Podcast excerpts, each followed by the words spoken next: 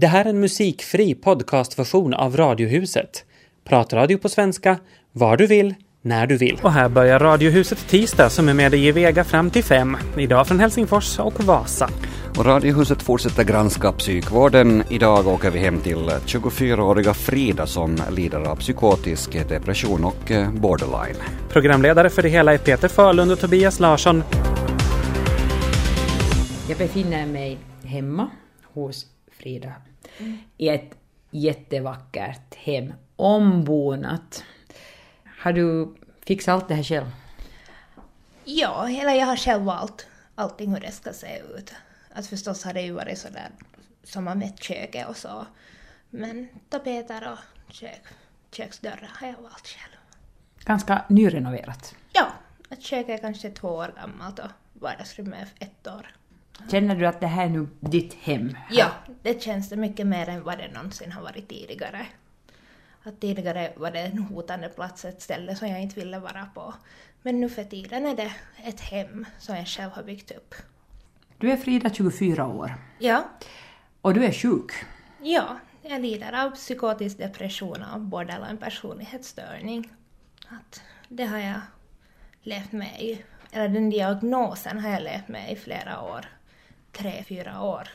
Men jag insjuknade i depression när jag var, eller jag fick diag- diagnosen depression när jag var 14 år. Mm. Hur länge före det mådde du dåligt då? två år före. Att det mi- minne som jag har av att jag skulle ha mått dåligt så var jag två, 12 år gammal när jag skar upp, skar min handled med pappas rakhyvel. Att det, det är egentligen det första minnet som jag har. Att varför vet jag inte och hur det gick till men jag mådde så dåligt. Jag kände mig utanför. Som om det skulle aldrig bli bra. Och jag, hade inte, så- jag isolerade mig väldigt mycket. Att jag ville inte ha kontakt med mina vänner och så. Skedde det här gradvis? Ja, det var nog gradvis. Att först började jag liksom fundera en massa på mitt liv och, och hur det var för när jag mådde då. Alltså, vad var den här känslan? Varför mår jag dåligt? Och så blev det liksom värre och värre tills jag bröt ihop på en engelska lektion minns jag. Att jag bara grät och grät och grät och min engelska lärare skickade mig ner till skolterapeuten. Och där talade jag med henne och började gå en gång i veckan, två gånger i veckan beroende på mitt mående. Och till sist så skickade hon mig till Lojo öppenvården och vart jag träffade en terapeut sen som jag gick till ett par gånger. Han skrev ut de första medicinerna åt mig och, och så gick jag där ibland. Så hur tidigt började du äta mediciner? 14 år gammal. Att då fick jag en lindrig antidepressiva. Så blev en sån här bensodiazepin utskriven åt mig också. Som jag inte riktigt själv förstår. För det, för unga så ska man nog, och för äldre också, ska man vara intagen på vård för att få såna här starka mediciner utskrivna. Hur länge klarade du dig med hjälp av de här medicinerna innan du sen behövde hjälp igen då? Um, jag klarade mig tills jag var 16 år gammal så började jag på nytt hos Egenäs öppenvården. Och där så fick jag såna här mediciner utskrivna mot... Jag började hallucinera. Att jag hörde röster i mitt huvud och de skrev ut sen neuroleptikan åt mig. Och där, de åt jag tills jag var 18, tills jag blev intagen för vård igen. Igen? Ja, eller nej, ursäkta, första gången intagen på vård. Mm. Att då skickades till Ekåsen sjukhus till akutavdelningen. Och där var jag tre veckor om jag minns rätt. Att, ja. Men jag klarade av att skriva därifrån engelska. Jag gick i gymnasiet då, så engelska språkprovet klarade jag av att skriva därifrån. Och så att jag var till skolan, till studentskrivningarna och skrev det då att jag läste på Ekåsen. Så jag klarade nog av det i alla fall. Fast jag var- mådde så dåligt. Alltså blev du student? Ja, jag blev student. Gymnasiet var ju ett jättejobbig period. Jag blev våldtagen under att jag var 18 år gammal och, och jag, jag hörde de där rösterna. Och, men det blev bättre efter det här första besöket i Ekåsens sjukhus. Men sen mådde jag bra två år tills jag blev igen sjuk. Att jag orkade inte helt enkelt. Att min sambo då var en sambo lämnade mig. Och det var väl då som alla väggar föll på mig och jag orkade inte helt enkelt mera. Och då gjorde jag någonting att som jag inte har gjort på länge. Att jag låste in mig i badrummet och började äta mediciner. Att jag, ville, jag ville inte finnas till. jag ville inte känna de där känslorna jag kände då. Och jag tog själv kontakt med öppenvården att nu är inte allting bra, att nu vill jag slippa att tala med någon. Och därifrån, och första träffen minns jag med den där läkaren, så han sa att du behöver vård, att du behöver slutenvård. Och jag sa nej, att jag, jag vill inte, jag kan inte. Men efter ett par gånger som jag var till honom så valde jag själv att lägga in mig. Jag var från och till hela året.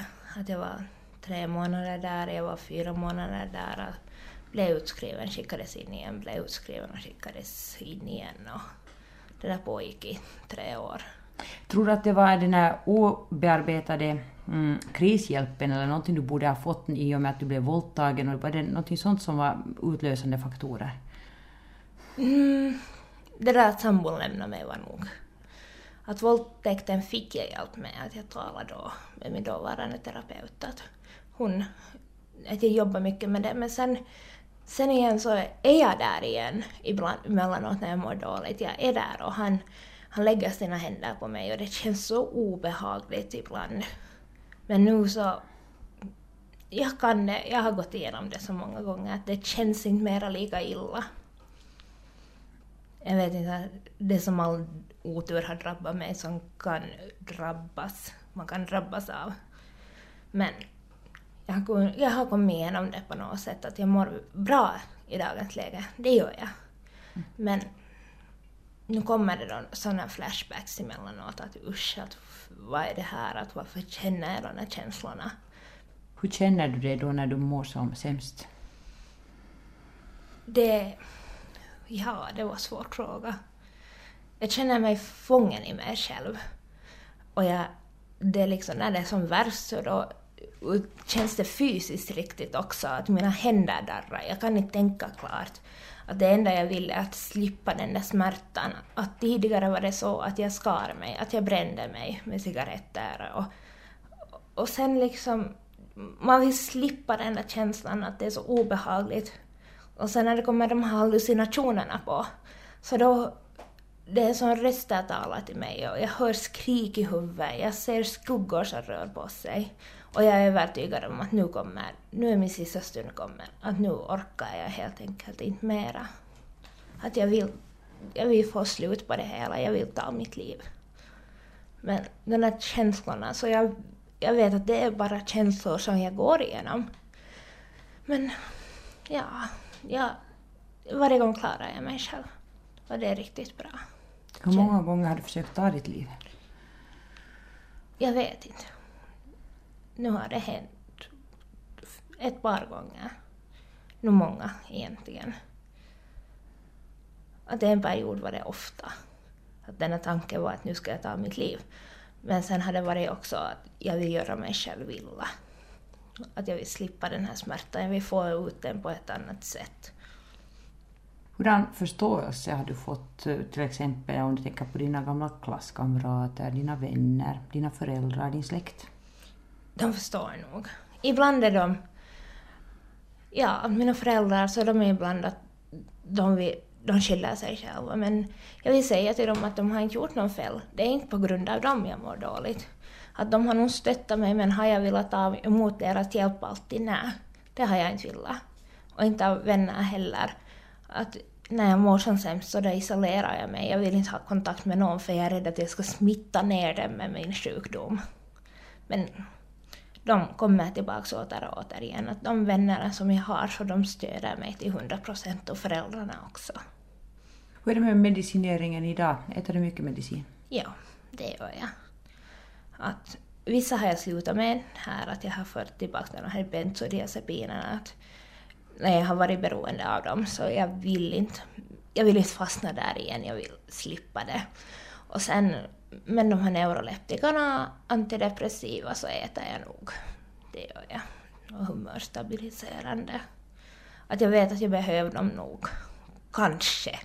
Jag vet inte vad jag behöver i den där mängden, men jag behöver något av dem. I alla fall. Du ska småningom på läkarbesök igen och ni ska diskutera igenom att ifall du skulle möjligtvis få en ny diagnos? Ja, de funderar på om jag är bipolär. Har sån här manisk depressiv alltså. Men jag vet inte. Visst finns det på internet massor med information om, om man blir lite paranoid. Ja, men det där har jag, det där har jag och det har jag. Så jag vill inte riktigt egentligen läsa om sånt. Att de får, jag ska göra tester och de ska sen diagnostisera mig. När du har här för en tid sedan träffat en, en um, ung man. Mm. Du är sambo. Ja, jag är sambo. Och han har gjort också mycket för mig. Att han förstår, han lyssnar på mig.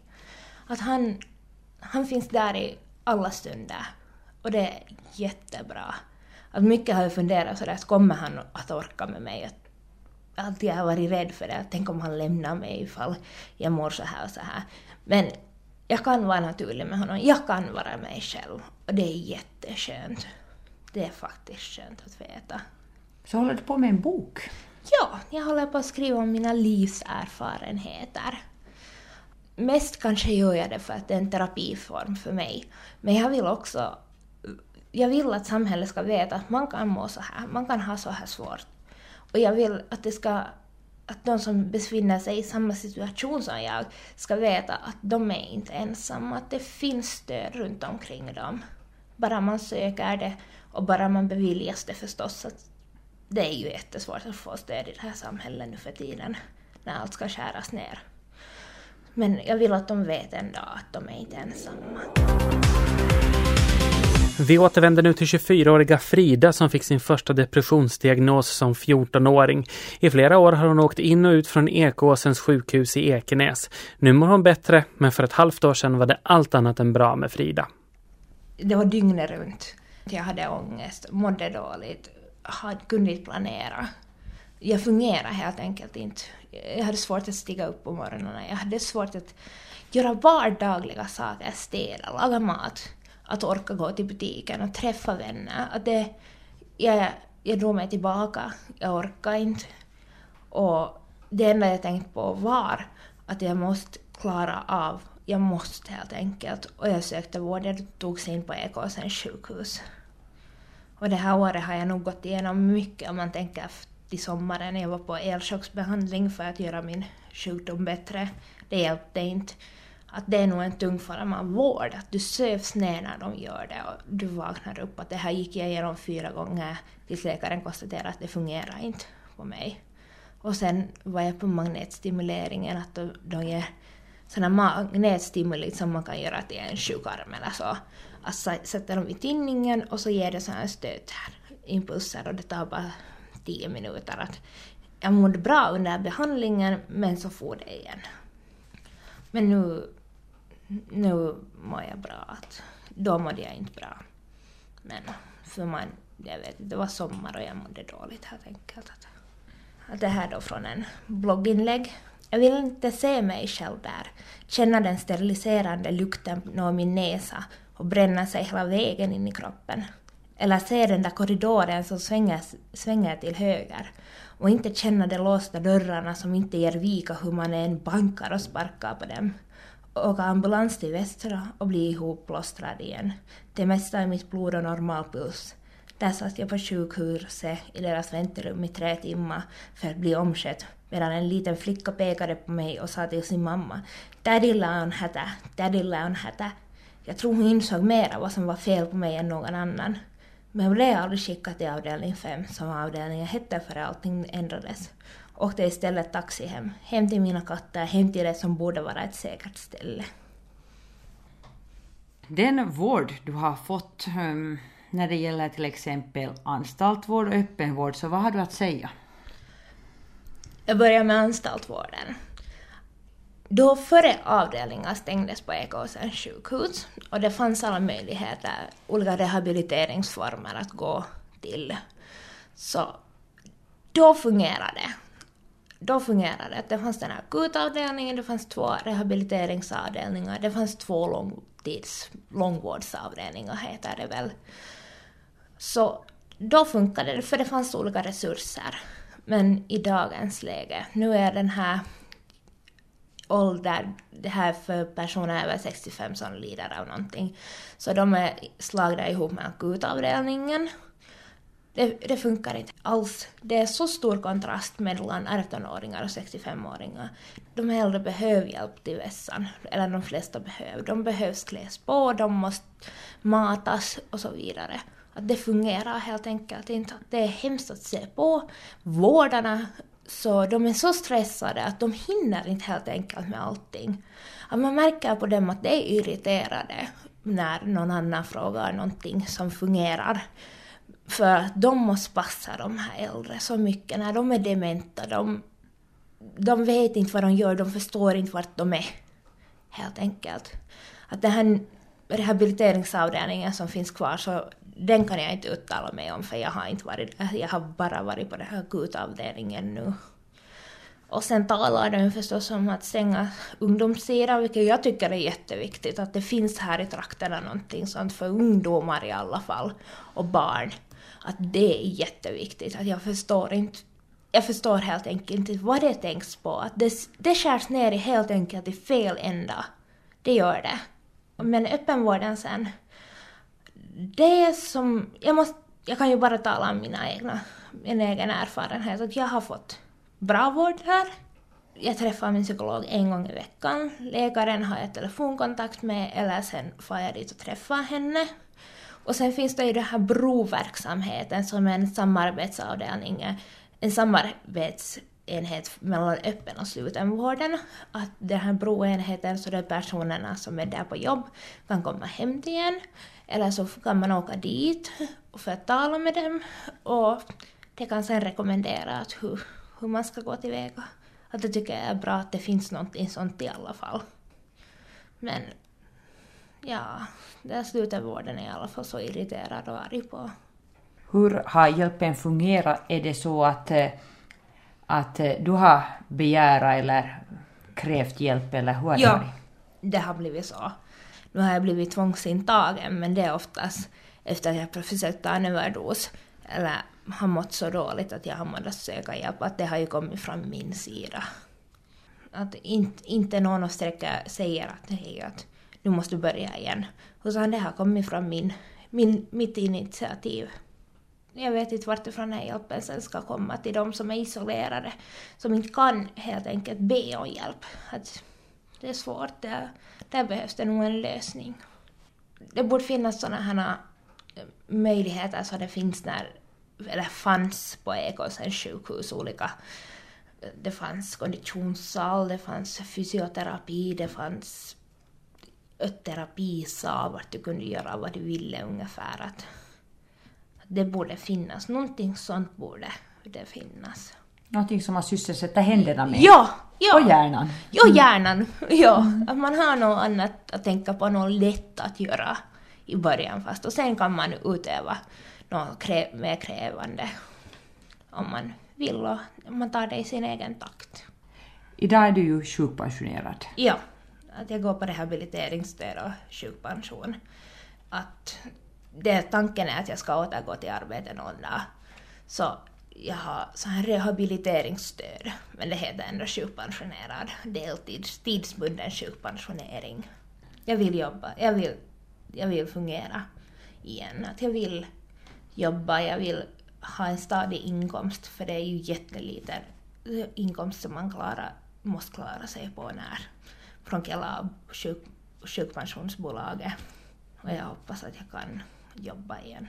Mm. Du är student men du hann aldrig vidareutbilda dig? Nej, eller skaffa dig någon utbildning? För jag visste inte, som många andra, jag, jag visste inte vad jag skulle studera. Så jag gick till jobbet, jag började jobba. Det skulle vara bra att skaffa sig en utbildning. Det, det skulle vara bra. Och jag vill ha en utbildning också. Du tänker hemskt mycket framåt. Ja, det gör jag. Jag har inte tidigare gjort så här men, men nu är det att jag vill ha en framtid och jag vill planera. Visst är jag till en del trött på mig själv och jag är trött på det som jag har. Så jag vill göra en stor förändring i mitt liv. Att börja jobba. Och jag har alla möjligheter. Det har jag. Jag har så mycket stöd runt omkring mig. Och så det kommer nog att lyckas. Det kommer det. Frida intervjuades av Tina Grönros. Jag sitter här och känner mig lite upplevd av det senaste dygnets rabalder kring eh, kulturutbildningen i Svenskfinland. Det här då efter att Barbro Schumann som är lektor vid Åbo Akademi nu här hos oss på Radio Vega undrat vad fasen Novia gör i Jakobstad. Det här med anspelning då på att stan är så liten och har så klent kulturutbud enligt henne då alltså. Vad säger du om det här Tobias? Jag kan i princip se eh, den här tanken att stora utbildningar ska ligga på stora orter. Ladida. Mm. Jag tycker kanske inte att det presenterades med den elegans som man kanske skulle ha önskat sig mm. och så. Mm. Eh, jag tycker dessutom att Jakobstad nog absolut kan vara värd för ett campus. Liksom om det nu är de sakerna vi diskuterar här. Och nu svarar ju rektorn vid Jakobstadsnedens musikinstitut, Bo Anders Sandström, ganska fräscht tycker jag, genom att använda motfrågan Barbro Sjåman, vem fasen är hon? Är det här lite häftigt? Så här brukar det ju inte gå till hos oss här i beskedliga Svenskfinland. Nej, det är sant. Men när det för en gång skulle uppstå en mediedebatt så är det synd att man tar fram spadarna, ämbaren och får mm. det att eh, ge den en ära av sandlåda. Mm. Jag tycker att det är jättesynd. Jag skulle mycket hellre ha sett att man hade lagt det på en annan nivå. Men man kunde ju ha liksom diskuterat fränt i alla fall. Sen använder showmanskan, som har en bakgrund som prorektor tidigare för just Novia också det lite laddade uttrycket att Jeppis är huvudort i bibelbälte och, och, att det då tydligen inte passande det heller. Det är bara det att kyrkan är en viktig praktikplats för de som ska bli kyrkomusiker och Kaj Alsved som är avdelningschef för YAs kulturenhet tycker att det här uttalandet bara bevisar att hon har fördomar. Du är ju Tobias förresten uppvuxen i Motala. Det ligger väl rätt nära det svenska bibelbältet? Nej, det gör det faktiskt inte. Ah. Du måste gå längre söderut. Du mm. måste mot Jönköping. Där, okay. där är det riktigt mycket bibel. Men eh, vad ska jag säga om det? det? jag, tycker att, jag tycker också att det visar att hon har fördomar. Det är som att, vadå? Man kan liksom, det är mycket kyrkor i den här stan. Då kan vi inte ha utbildning där. Eh, jaha, logiken i det. Anyone? No, hur som helst så råder det delade meningar om det här som så mycket annat. Men jag snackade med en som har studerat där tidigare som sa som så att eh, en bra sak med det var att det fanns hur mycket tid som helst att ägna sig åt att plugga fokuserat. Det var inte så mycket som störde på sidan om eh, så att säga.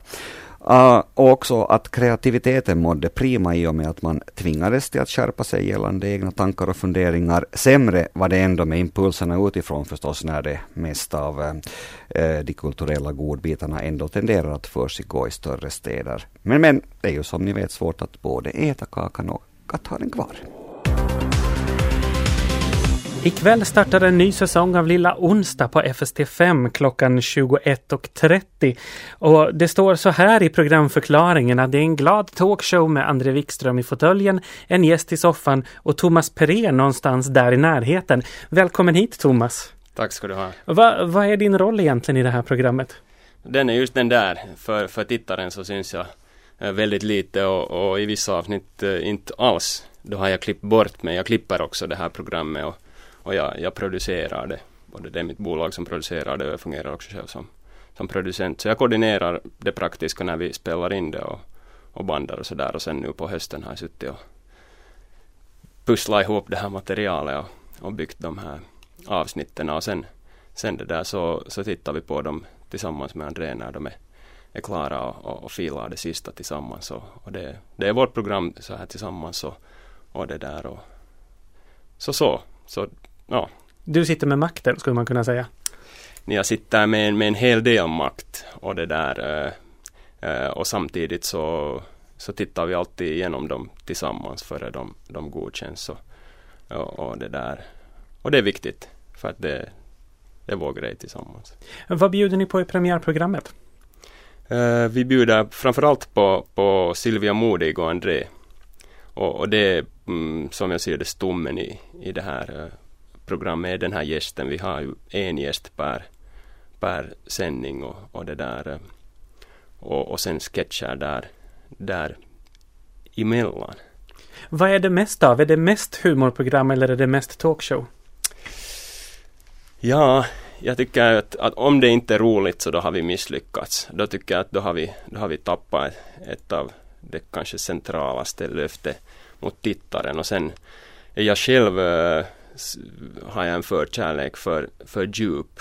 Så jag tycker om när det blir en sån här kombination av det här att André dyker ner så, så egentligen så djupt som möjligt. Sen om det blir allvarligt så då spräcker han bubblan och det är han bra på. Hur lätt eller svårt är det att göra humor för svensk Finland? Ja, det är roligt när det är roligt. jag vet inte om det, det är lätt eller åtminstone så har vi misslyckats ganska mycket att det blir en hel del som, eh, som inte är roligt och som inte, inte eh, fungerar och, och det där. Och då har vi möjlighet att klippa bort det. Därför gör vi programmet på det sättet att vi bandar in väldigt mycket av både av pratet så bandar vi ungefär en, ursäkta, en och en halv timme diskussion med den här gästen. Och, och så har vi, har vi alltid sketcher som blir, blir över och i slutet, det är ett 27 minuter långt program nu den här säsongen, det var några minuter längre tidigare och, och det där så det blir prat ungefär 20 minuter och, och, och resten eh, sketcher och, och, och det, det, är det bästa av, av det som har samlats under den här produktionen. Hur mycket kommer tittarna att känna igen sig från tidigare säsonger? Det kommer de att göra. Formatet, stommen är, är, är precis densamma. Det är André och, och en soffa, en fåtölj och, och en gäst. Och så har vi och sketcher däremellan och, det som vi har, har förnyat i den här säsongen är, är förutom färgen som är orange i år så har vi uh, också några nya sketchkoncept och några nya karaktärer inom, inom uh, gamla sketchkoncept. Och så har vi, så har vi en upp och dansa-knapp som, som står på det lilla bordet mellan André och gästen och, och det där och, och när någon av dem slår på den så då börjar Candy Staton spela i, i studion och de måste båda stiga upp och, och dansa. Men gästen måste trycka den första gången så gästen har i princip en veto om, om gästen inte vill dansa alls. Då, då Men det är bara tråkiga gäster som inte vill dansa. Så det är upplagt för party i rutan. Lilla onsdag på FST5 klockan 21.30. Tack så mycket Thomas Pre för att du kom hit. Tack Tobias. Egentligen hoppas hon att byskolan stängs så att barnen skulle få börja gå i en lite större skola. Det vore bäst för dem. Men det vågar ju ingen i byn säga högt, sa hon och bet en bit av pepparkakan. Det var trettondagskaffe hos goda vänner och medan pratet i kaffebordet vände till skola och dagvård virvlade husets två pojkar i förskole och dagisålder runt omkring oss. Mamman berättade alltså om en väninna med barn i en av kommunens byskolor och som egentligen tyckte att det vore bättre för eleverna att sätta lapp på lucka och sända dem till en lite större skola. Men att det är någonting hon omöjligt vågade berätta offentligt då byskolornas vara eller icke vara ju sannerligen får känslorna att hetta till. Jaså, är det sånt som döljer sig bakom tidningsinsändarna och namninsamlingarna för byskolornas bevarande, tänkte jag och sörplade i mig av det välbryggda kaffet medan mamman nu försökte parkera sina små framför en DVD. I just dessa dagar har en hel del byskolor runt om i Svenskfinland inlett sin sista termin då kommunfädernas röda pennor i höstas farit fram över budgetmomenten och ett antal små skolor i vår för sista gången sjunger Den blomstertid nu kommer. I regel väcker dessa nedläggningar gråt och tandagnisslan och skolan ses ju ofta som något av en livsnerv för byn. En funktion som kanske är viktigare till och med än att den alltid ger så strålande god undervisning kanske. Men kunde man redan tidigare på eget initiativ ha varit proaktiv i byarna, vidtagit åtgärder och hittat andra, helt nya lösningar som kunde ge byskolorna mera livslängd. Jag tänker på alla de byar där både en liten finsk och en liten svenskspråkig skola har funnits och där man idag har varken dera. Först stängs den ena och i regel några år senare den andra.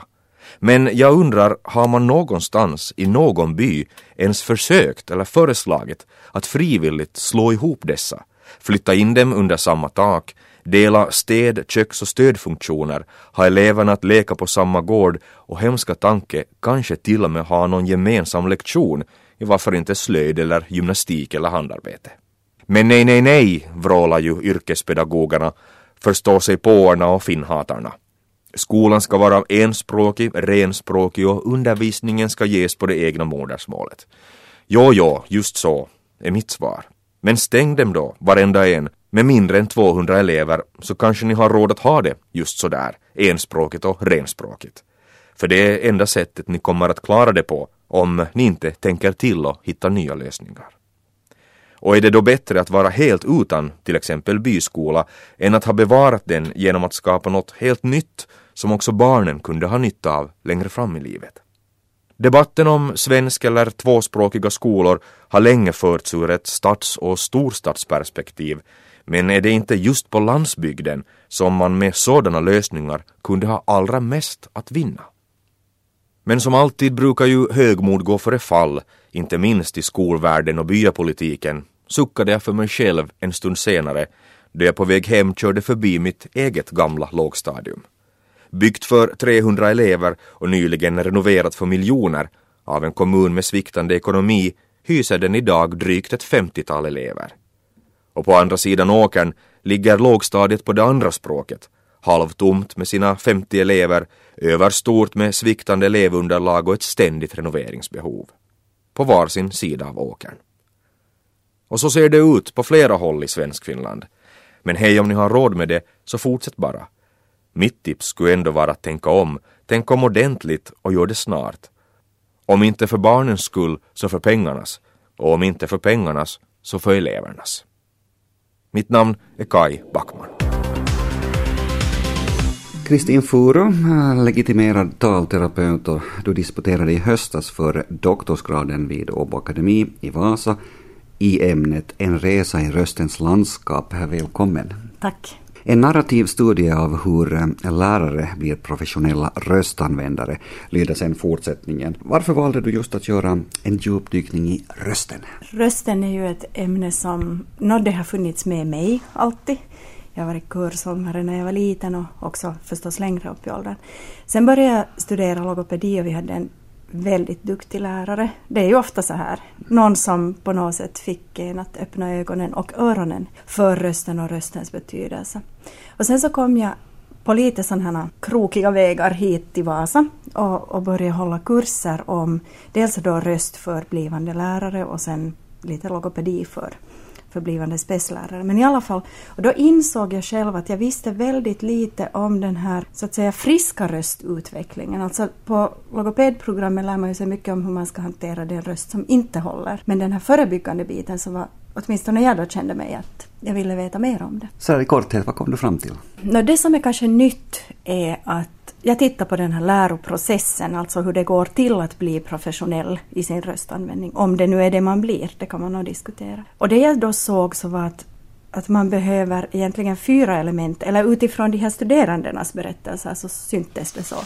Man behöver både kroppsliga erfarenheter, rösten är ju en fysisk grej. Man behöver känslomässiga erfarenheter därför att rösten är på något sätt för många, kanske för alla, själens spegel. Så att det där lärandet blir inte holistiskt och helt om inte du också involverar känslan i det. Och sen förstås en sån här tankemässig dimension, alltså rent intellektuellt att du lär dig vad som kanske hjälper eller hjälper i en viss situation och så här. Och sen den fjärde dimensionen som dök upp när jag processade det här materialet ganska många varv egentligen, så det var en sån där relationell dimension att för att du ska kunna utvecklas på det här planet så behöver du få finnas i en sån trygg relation med människor som ger dig ärlig feedback och, och liksom ser både den potential du har just nu i din röst, ger dig bekräftelse på det, men också ser att vart kan det här utvecklas? Vad har du för potential? För många av oss använder ju kanske bara ett litet gränssnitt där av vår röst när det finns ganska mycket. Och lärarna förstås, de använder rösten jättemycket eh, och är en utsatt grupp. Hur jobbigt är det för dem att, att behålla rösten? Alltså, det är väldigt många som drabbas av röstproblem. De här undersökningarna säger lite olika beroende på hur man lägger upp det, men alltså till och med så att 5 procent så riskerar att måste byta yrke på grund av just rösten och det tycker jag är ganska stora siffror. Så de drabbas ju lätt av röstproblem och det har säkert många olika anledningar. Hur märks eh, besvären för dem? Sånt som blir trött i rösten, det känns tungt att tala, måste harkla mig ofta, kanske blir torr. Och kanske också sånt här som heshet eller att rösten börjar bli grov eller sådana som också då är sångare så kan märka att deras register krymper speciellt i övre ändan. När stämläpparna blir då skadade, inom citationstecken, så klarar de inte lika bra av de här svängningarna som ska till där högst upp i registret. Och eh, har man en gång drabbats av det då, så hur gör man då för att lindra besvären och för att rösten ska hålla, också i längden? Det är ju svårt att se någon sån här entydig linje som skulle funka för alla. Tvärtom är det väl just så att allas väg ser lite olika ut, men generella saker är just det att dels plocka bort de faktorer som belastar. Alltså om det är så att man har allergi som förvärrar de här slemhinnornas situation eller om det är torr luft att påverka sådana saker. Eller akustik, om det är dålig akustik att sätta bullerplattor. Det är mera sådana här yttre faktorer. Men sen också att jobba med själva rösttekniken. Alltså jobba med hur du använder ditt instrument. Några goda råd nu. Drick mycket vatten, försök stretcha så att du är mjuk i kroppen. Alltså det är ju samma analogi som en, en spänd sträng ger en spänd ton. Också gör sån här röstuppvärmning, alltså mjuka upp, eh, pröva på. Sen någonting som har att göra, om vi nu tänker på lärare, så har det också att göra med hela den där undervisningssituationen, att tänk till. Hur kan du lägga upp din undervisning så, så att du inte talar exakt hela tiden? Därför att du behöver återhämtningstid. Små sådana här mikropauser kan göra jättegott. Mm. Hur bra är det om eleverna är disciplinerade och snälla? Mm, det har sina för och nackdelar. Om de är snälla för att du är väldigt sträng så att säga och använder din röst på ett hårt sätt, då tror jag inte att det är den pedagogiskt bästa möjligheten. Däremot om det är så att de är lugna därför att du utstrålar ett lugn och en bekvämhet också genom din röst, då är det bra. Inte bara lärare använder rösten till, till stor del av arbetsdagen, det gör vi också här på radion, så jag antar att jag också är i riskzonen. Mm, ja, fast du har ju inte samma sån här bullerbelastning runt dig till exempel. Och jag antar att du är inte så att säga på hela din arbetsdag så som en lärare ofta är. En lärare också talar i mm. kafferum i väldigt bullrig miljö och sådär. Men att det är klart att på dig ställs det kanske högre krav på kvaliteten. Du ska låta behaglig, du ska ha en röst som lockar lyssnare att vara kvar på kanalen. Så att det är klart att ni, ni är helt klart professionella röstanvändare. Och så finns det förstås artister, sångare. Mm, ja, och det är ju också en sån grupp som använder, som kanske använder väldigt intensivt då när de använder, sen däremellan inte så mycket. Då beror det ju lite på vilken grupp man tittar på. Alltså sångare har ju ofta fått någon form av utbildning, skolning eller så här likadant teatermänniskor. Ska man tänka då, jag menar de som lyssnar på det här nu också mm. vet att de är i bullriga miljöer och måste prata mm. mycket så här, så ska man hämta stödet från magen nu eller hur ska man tänka? Ja, om man förenklar det väldigt mm. mycket så är det bättre om rösten får födas i kroppen så att du har det är liksom luft från magen istället för det att du sitter och lyfter på dina axlar och spänner dig och pressar fram rösten om jag nu gör ett sånt här anti-exempel. Att det finns ett fritt flöde. Och det handlar nog mycket om just också kroppen och, och att hitta ett stöd lite längre ner. Hur är det, tycker du, som har forskat då mycket i den här saken, tar vi allt för ofta rösten för given? Jag tycker ju det. Ja, alltså det, det är någonting som också de här lärarstuderande som jag då eh, gjorde mina intervjuer och samtal med så det var många av dem som aldrig hade tänkt på det att de skulle ha rösten som en så central nyckel i sitt arbete. Att det kommer kanske sen lite som en sån här överraskning att oj, nej men nu om inte den håller, vad gör jag då? då om man har varit kanske till och med varit, tappat rösten efter en förkylning och, och varit utan den i tre dagar så inser man att det kan bli lite struligt mm. att fortsätta jobba om den inte skulle komma tillbaks. Ja, hur gör man då om man kommer i det stadiet att man, i och med att man behöver använda rösten men inte kan, är det sjukskrivning då ja, eller? Mm. Ja, alltså om det är så att rösten inte hörs ordentligt så borde man vara hemma. Sen förstår jag, jag har också stått och undervisat för att det blir så krångligt för att någon annan måste gå in eller sen måste man ändå hålla de där timmarna senare. Men det är ju en avvägningsfråga. Och speciellt om det är så att man märker att rösten är den så att säga svaga länken och det här är det många barnträdgårdslärare som säger att de alltid tappar rösten. Det är just rösten som det far på. Att då blir det så att då får, då får man börja vakta den lite mer noggrant alltså. Mm. Vara hemma den där ena dagen istället för att sen liksom vara sjuk i tio dygn eller, eller längre. Kristin Furu, vad är det med rösten som har gjort att uh, du fascineras så av den så att du har ägnat, kan man säga då, ett helt yrkesliv åt den? Mm, det blir ju till slut någon slags filosofisk fråga och vad man tror och så här. Men, men för mig är det nog så att rösten är en sån här, den involverar så mycket, den involverar hela oss, alltså vår kropp, och vårt psyke och våra relationer. Via att jobba då som jag har gjort med både studerande och med klienter, det ger mig möjlighet att lära känna människor och liksom vara med på deras livsväg en bit och faktiskt, tycker jag då, kunna bidra kanske med några synvinklar som ger någon slags hållbarhet på lite längre sikt. Tack för att du kom hit. Tack. Det här var en musikfri podcastversion av Radiohuset som sänds i Radio Vega måndag till torsdag. Mer information om programmet hittar ni på svenska.yle.fi radiohuset.